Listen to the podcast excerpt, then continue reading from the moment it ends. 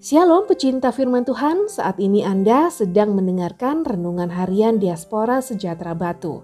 Pembacaan Alkitab hari ini diambil dari kitab Keluaran pasal 20 ayat 22 sampai 26. Peraturan tentang kebaktian. Lalu berfirmanlah Tuhan kepada Musa, Beginilah kau katakan kepada orang Israel, kamu sendiri telah menyaksikan bahwa aku berbicara dengan kamu dari langit Janganlah kamu membuat di sampingku Allah perak, juga Allah emas. Janganlah kamu buat bagimu.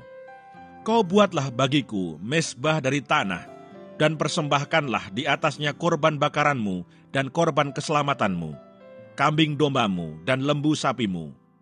Pada setiap tempat yang kutentukan menjadi tempat peringatan bagi namaku, aku akan datang kepadamu dan memberkati engkau tetapi jika engkau membuat bagiku mesbah dari batu, maka jangan engkau mendirikannya dari batu pahat, sebab apabila engkau mengerjakannya dengan beliung, maka engkau melanggar kekudusannya.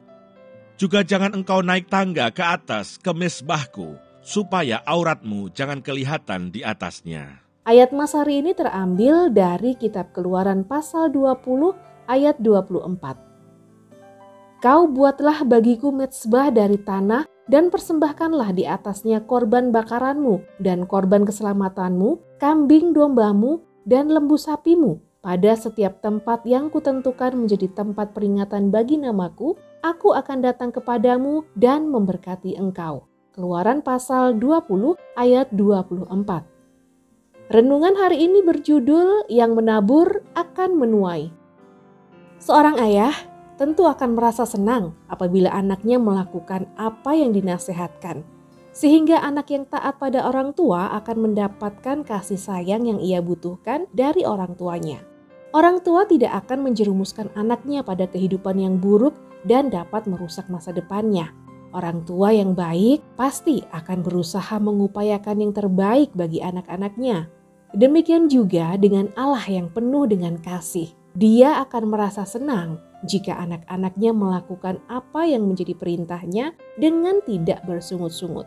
Bangsa Israel telah mendapatkan petunjuk dari Tuhan untuk membuat mezbah sebagai tempat untuk memberikan persembahan kepadanya, sehingga dia akan memberkati mereka. Tuhan telah mengajar umatnya supaya menabur, dan ketika perintah tersebut ditaati, maka Tuhan akan memberkati mereka.